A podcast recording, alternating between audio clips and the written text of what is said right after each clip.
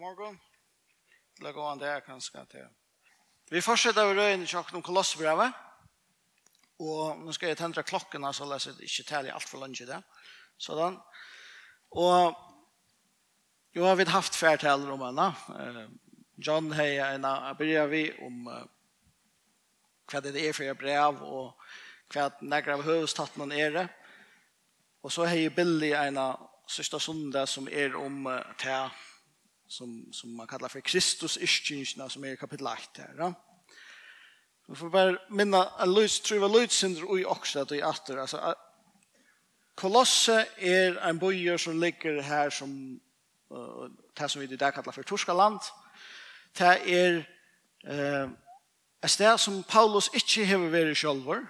Det är en samkomma som han inte självor har stående och imot till hinnebrövene som han nu skriver. Det Hette er folk som han ikke kjenner personlig.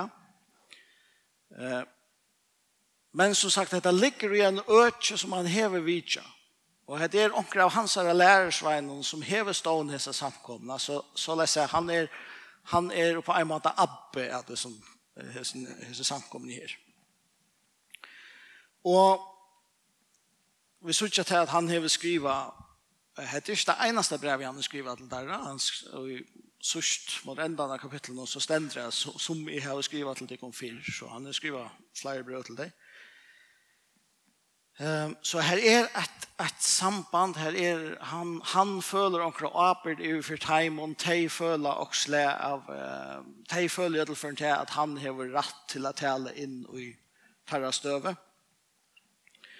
Men det at han ikke kjenner deg personlig, det gjør kanskje til at Eller det er kanskje grunnen til at han ikke er så eh, detaljeret over og så noen anmenning til samkommende kolosser som han er i omkring ære samkommer. Altså her, her er det nok så generelt eh, og i mån til og i Korintbrøven og tar han fer inn og tar seg helt spesifikke støver som henter ut i samkommende at at ein bror ligger i sæk vi en annan bror, så skal det ikke hente, og, og at ein kvinna er ferdig fra mannen for å halda seg til bror hans, så, så det er nok så, nok så spesifikke støver. Eller Filippe Braun, han, han, han harstar tve kvinner som klandrast, og nevner det vi navnet. Det så gjør vi det ikke i kolosse. Kanskje at han ikke kjenner det. Men det er ganske eisende grunn til at Kolossebrevet er meira, eh, hva skal jeg si, en hakre støy teologisk. Han brukar meira tøy på at utledja eh, kvært og kvært det er vi trykker på. Og, og Kolossebrevet er tøy ganske et tam, tam mest Kristus-sentrerede brevet som vi tar. Um, Hvis vi begynner, hvis vi tror at det här som Paulus tar seg, nej, som Billy, ikke Paulus, som Billy tar sig om senaste söndag. Um, vi får lese att han texten upp ena för et rett, men um, tid som känner Kolosserbrevet vel, tid for att säga til at detta är kanske ikke den texten som tid er van Tid Det tror jag att Sjalt om er damer øyler vel Kolossebrevet, og selv om eh, mal eh, elskaren og i mer helt at det er medalja vekkurs skriva, så är det rävliga torskilt eisene.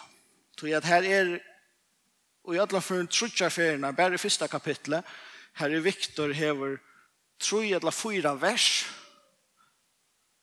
vi er en rikve komma on, og en rikve bindestrik men ikke punktum.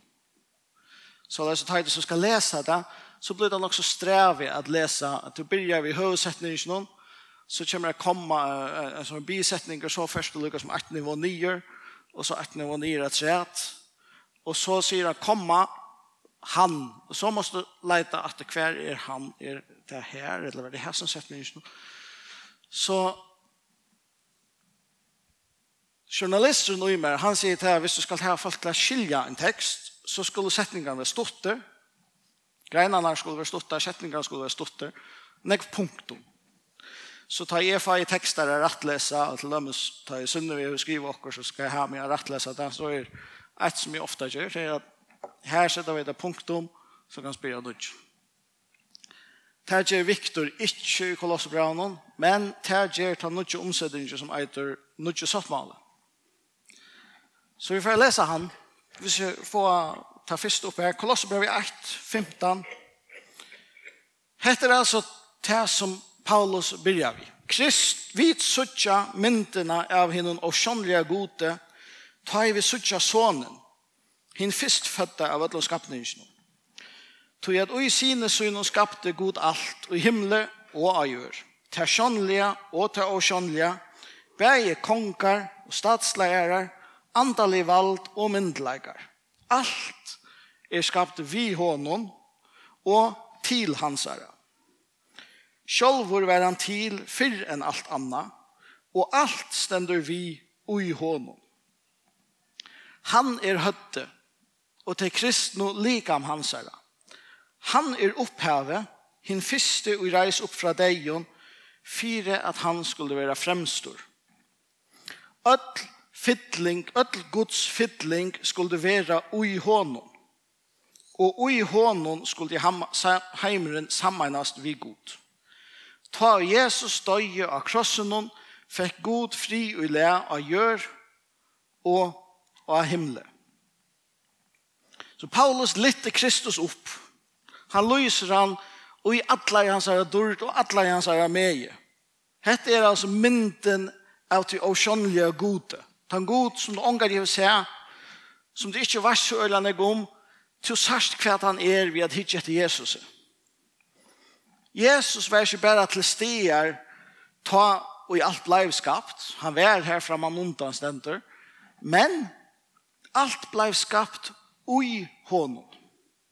Og alt blei skapt vi honom. Og alt blei skapt til hans herre. Jesus Kristus er høtte. Han er opphavet. Öll Fittling Guds skulle være ui honom. Hva mest det? Jo, det mest det at alt det som du huksar om god, er god er. At han er allmåttvor, at han er atlastene, at han er allvitande, at han er kærleidje, at han er goska, at han er miskun, at han... Altså, alt det goa som du huksar om god, alt det som god er, det er ui Jesus, det som Paulus sier. Jesus er ikke bare en andalig lærare. Jesus er ikke bare en jødisk rabbi. Han er ikke bare en filosofer. Han er ikke en avkjende god i middelen alle ære godar. Han er ikke en av flere mulige. Han er iver ødlom. Alt anna, eisne ære godar, ære andar, andalet vald og myndleikar, til alt skapt ui honom, vi honom og til hans herre. Kristus er alt. Han, han er hakst, iver ødel. Ta i Paulus har sagt her, så får han vire til å ta som et landamal til gode. Et landamal som hever vært dult lyka fra opphav. Et, en, en atlan som god leie åren han skapte nega. Så får han skapa. Han får skapte, han skapte himmelen, han skapte hjørna, han skapte sol, måna og stjøtner, han skapte heve, han skapte planter, djor og mennesker. Og onket og i alle hese røyene, etla åren, da vet vi ikke, så har han eisen skapt en rikve, en heilan her av andal i unveron og englom. Og god levde så ui samfella vi hetta menneska, inntil menneska sveikan. Og tog i verda er god fikk bruk for å gjøre det landamal, som han langt er heiatl. Løndamålet var akkurat dette. Hvordan skulle han klare å få samfunnet vi mennesker at? Og han begynner så å virke oppe av mennesker. Han taler vid Noah, han taler vid Abraham, Isak og Jakob. Eh, han taler vid Moses, vi domarar, profetar, konkar, alla vegin, allt det som vi kjenner som gamla testamentet, til er god som tåsar vi hese menneskene, Han forteller dem om parster av synen løndamal. Han forteller dem at et avkom skal komme som skal knusa slankene, høttja slankene. Han forteller at et avkom skal komme som skal være til sikning for alle hjørne. Han forteller dem at, at, at, at det kommer en frelsere som eisen skal løye. Men ta fotla løndamali er allikevel godt, sier Paulus. Ta hava skilt, jødane hava skilt, er god fra gjer og spesielt fire jødane. Han fra gjer alt rett. Paulus sier det som tar så ikke skilt, det var til at dette var ikke bare for jødane, dette var for ødel menneske. Og enn meir enn det, iver alt det, så er løndamalet til at god, skulle bliva til menneska, at god skulle dodja av krossen hon, at god skulle rysa upp fri en deie, at god skulle strik, såla strika futsinskapen middel god menneska borster, og enn meira enn til at god skulle flita inn i menneska. Det er et landarmalet som han sier. Hvis vi tar uh, vers, kapitel 8, vers 6, 20, 20, 20. Landarmalet som hever vært dult fra opphavet, allra tøya og atta. Det er Victor, jeg synes ikke det er, man brukar kvarsfall og sånt. Det blir det ikke strev jeg skulle lese om. Allra tøya og atta. Men nu er våre oppenbæra hinnon heile og hansara. Tøy teimon vil det god kunngjera hvordan rukt og dår til er mellom hedningarna, og hetta landarmal som er Kristus ui tikkum. Hesen Kristus som han har brukt, brukte iskinsna til å lytta så høgt opp, som er iver ötlån, hesa Kristus som all fytling Guds er ui. alt som Gud er, det er ui Kristus, og nu sier han at han, tann Kristus, han er ui tikkum. Han er ui ter. Han er ikke vi ter. Han er ikke tjat ter. Han er ikke nær ter. Han er ui ter. Ta vi det her og finner ter på plass. Ta vi det her skilt her at hesen fantastiske Jesus bor ui okkon. Ta här har vi ta grundläge som kan til for vi får ta oss om vi skulle leva og hvordan vi skulle gjøre. Kapitel 2, vers 6 skrev Paulus tid hava til mot i Kristus som herra. Altså tid hava til mot i hesten her Kristus som er iver ødlån og som hever vi i skapanene og som alt er skapt til. Tid hava til mot i honom som herra. Han er flotter inn og i tikkene livet nu og i lyttene mot i honom. Stande først i trunja av Krist, og fag til kun andlige styrke og føje fra honom, såleis som tid våre lart, og takkje honom. Anse etter at det ikke vera fanga av heimspekelig og heilasbona, som jo ikke grundar av Krist, men kommer fra menneskelig og sivenjon og atrunaverlig og reglund. Paulus kommer nu innan det som han kallar för, som, som, som teologan kallar för falslärarna i kolosse. Och vi tar ju bare brøvene selv til att fortelle om hva disse falslärarna er. Paulus är inte så detaljerad om akkurat vad det är här. Och tog er teologene heller inte samt om akkurat hvordan det ser ut. Men är samt om at aller helst så er det talan om tvær, tvær, tvei imisk avlåp av samkomma. At Anna er avlåpet fra til hettene samfunnet som de lever i, og hitt er avlåpet fra de jødiske tryggvande som ville heva deg at halda Mosel og eisne. Og resten av kapitlen brukar Paulus på å vise at nummer 8, hevet du Kristus, så har du ikke tørv og øre om godton, eller landarmalen, eller havfløkten tanken, eller at åtta snakka fra taimon andalige verden. Og nummer tvei, har du tidsi mot Kristus, så tørver det ikke å gjøre meira for å bli godtidsen av god. Han sier at i middelen tikkun, eller rundt om tikkun, så er det noen folk som ikke fører at de kan bort fra hese lærerne om Kristus. Det er ikke at um, um, Jakob Dahl, han omsetter, han sier at det er ikke at det her takker det, det er ikke at flyter det kommer vekk fra Jesus. Flere ferner i kjøkkenen teksten så tåser Paulus om dette vald og myndeleikere eh, som, som roa och som vill ha avskan. Det är till så läs att att det tro att det var avvis godar som rådde över avvisen ötjon, över avvisen bojon, över avvisen London.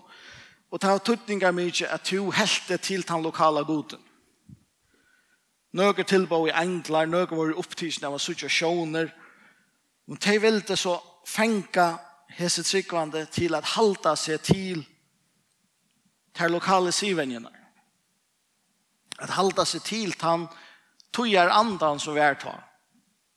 Til kunne godt teka Kristus, men legg han at sæt ødelnøysen her.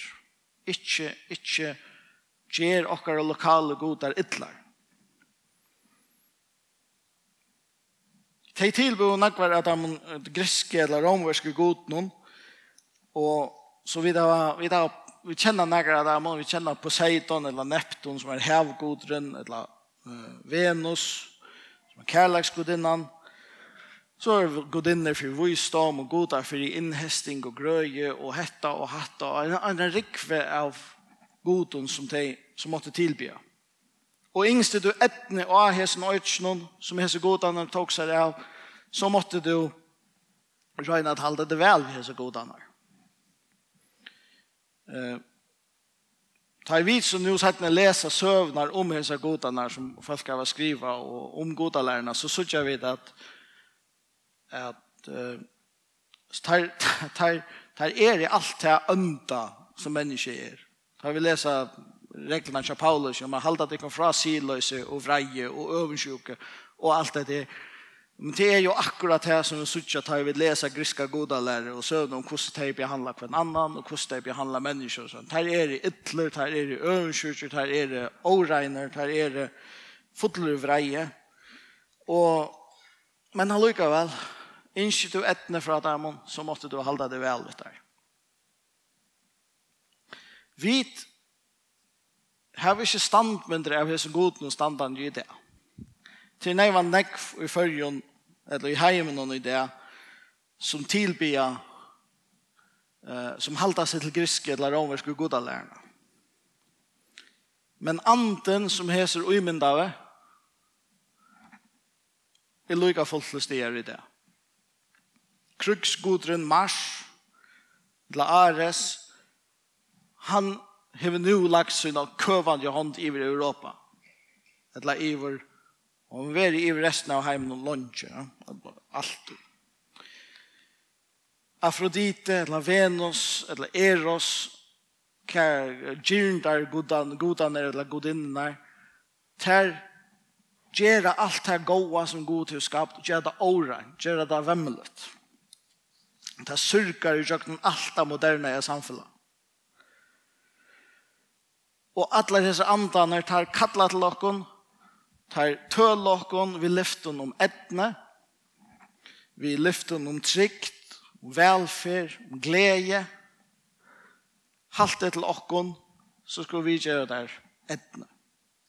Etla der hatt åkon, vi vannære, vi armo, vi ute i husan, og vi skam, hvis vi ikke gjør som det sier.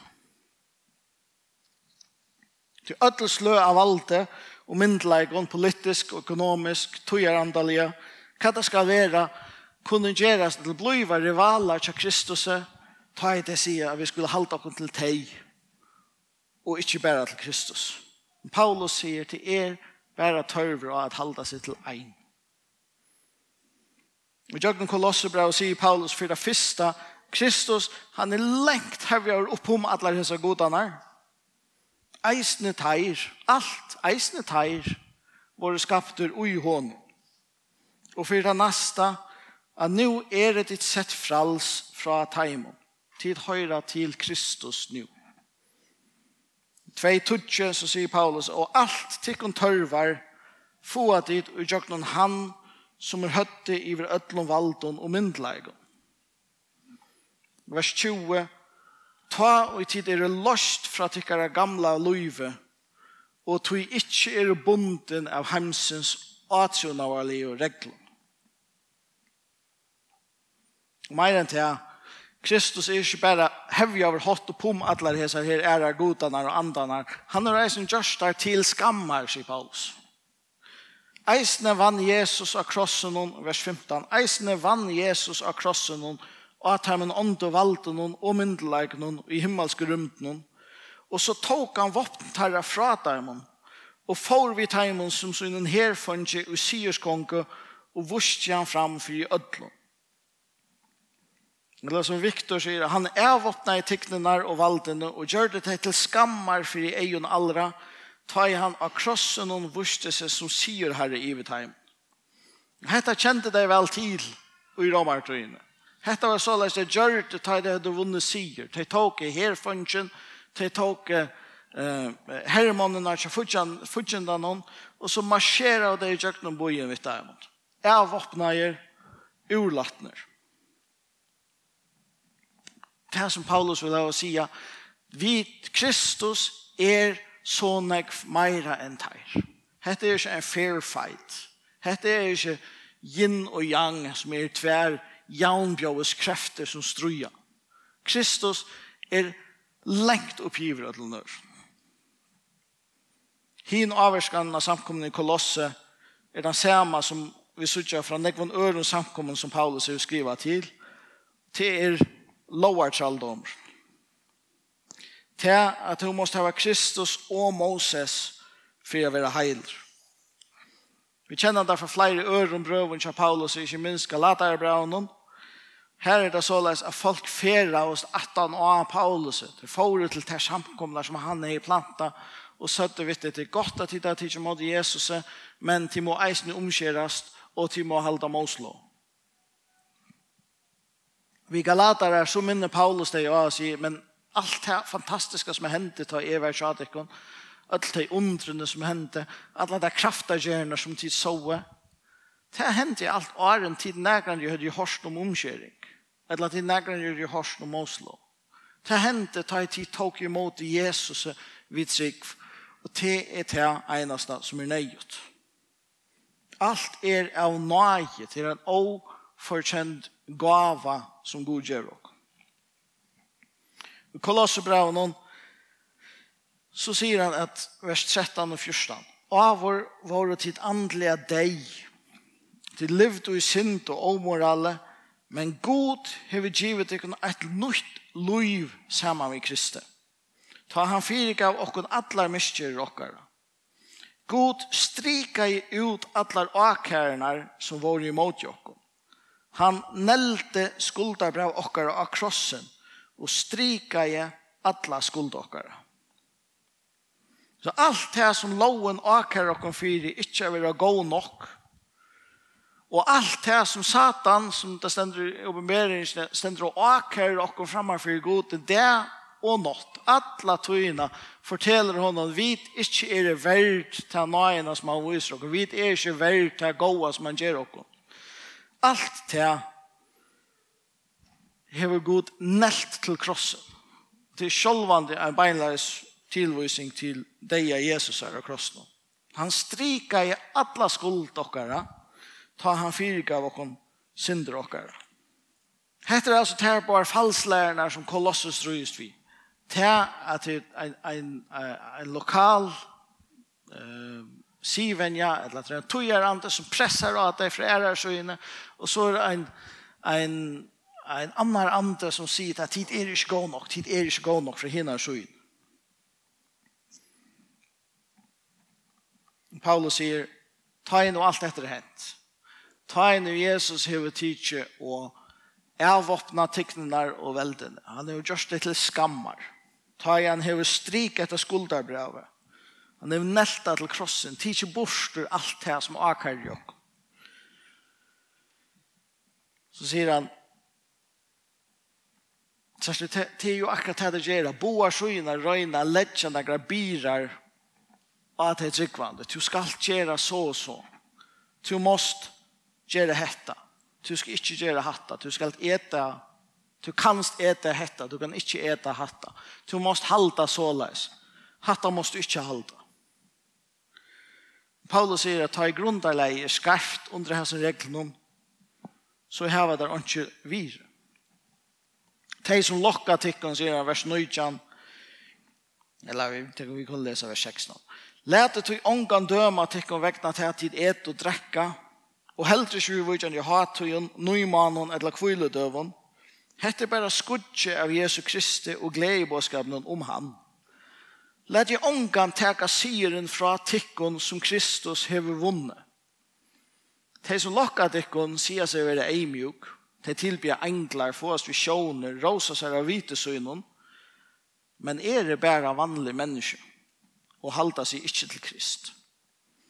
Ta i det er løst fra tikkara gamla løyve og tog ikkje er bunden av heimsens atsjonarlige reglon, Hvor halda de så enn fast vi lovar på som nest ikke hetta, smatt ikke hetta? Hette er bare mennesker på og lærdomar. Slukka regler tidsas kanskje å være vysdomar, men er sjálvgjørd godstyrskan, følsk eimukt og kjoana lika av noen til nekka gaggen? Hetta nøktar kanska holdli listna kja summon vi loven og reglana frelsa seg sjálvan, men måtte åndskapen og gjørstun okkara hjelper hetta så ikkje. Alt er her, alla dessa reglene. Ter, ter hjelp okkon ikkje vi tog som troblar som kja okkon. Så ter er det bara Jesus som kan gjøre noe vi.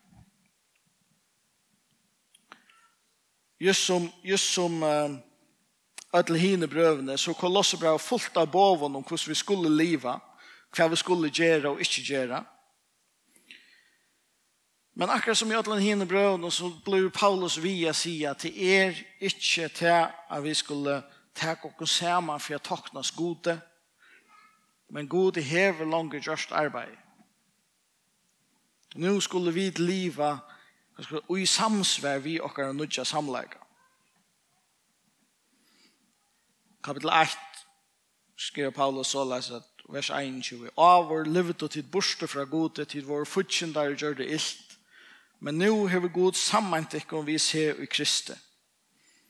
Han leid egen som menneska for jeg leda til fram for i Arsjans søgna fullt og helt god tidsen utan skuld og utan nekra akar om de standa først i trunne og ikkje lada deg om vika fra vånene og i gledebøskapen som tid tog imot.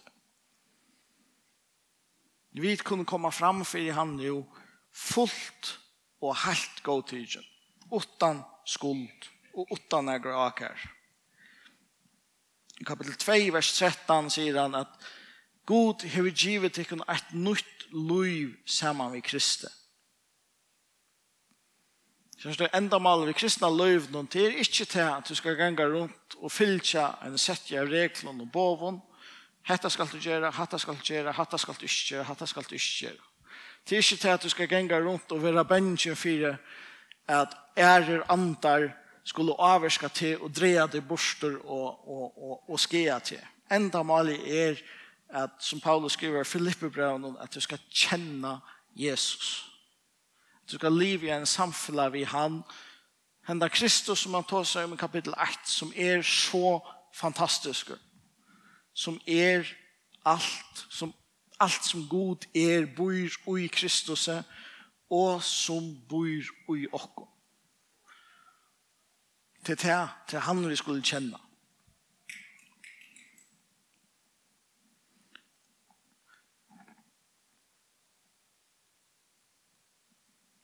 vi hette skriva til Kolosse for 2000 år siden, men vi vet jo, vi strujas vi akkurat det samme. Vi strøyes bæge vi et press fra samfunnet rundt om oss, og vi strøyes eisen vi et press fra, hva skal jeg si, fra oss selv om at vi ikke er gode nok, at vi ikke er gode nok, at vi ikke er verdt til at Gud skal være gode vi oss, at Gud skal bruke oss, at Gud skal uh, sikne oss men han hever langer gjørst det. Vi til at Jesus døy av krossen, så hever han langer vunne sier, så hever han langer vunne sier av ødlen hessen anden som avskokken, og han hever langer sagt, kom til meg. Vi får hava forbund her framme som plia, og mian, mian til for å spela, så får jeg be deg om at, at uh, komma fram, Hvis de, hvis de, hvis de føler at jeg var ikke kvart, jeg har bruk for at onke bi for meg, jeg har bruk for at jeg skal skilja bedre hver det her er som bor i meg. Se det at jeg føler til at jeg er en støve nå her, jeg føler at øyla størst trusht fra folk rundt om meg, eller fra samfunnet om at jeg må lykkes teimen og ikke lykkes for meg fra kom fram til forbund. Hvis du, hvis du strøyest vi tankar om at jeg er ikke god nok, jeg skiljer ikke hvor god skal elska meg, hvor god skal være god ved meg, kom fram og let dere be for det. For jeg er takk der for at du hever avåpna tignene og veldene, at du er vurste som sier herre i vrødlund. Jeg takk der for at du hever gjørst alt at du hever sammen til dere vi vi god. At du hever åpna veien så løs at vi kunne komme fram for han fullt og helt god tidsen. Utan akære og utan skuld. At vi kunne kvile og tog at Jesus døye for meg og til det som er og, og, og, og til er til. Takk for at du hever åpenberet dette landamale og til gjør det så les at han Jesus som nu at Jesus nu bor i okken for Amen.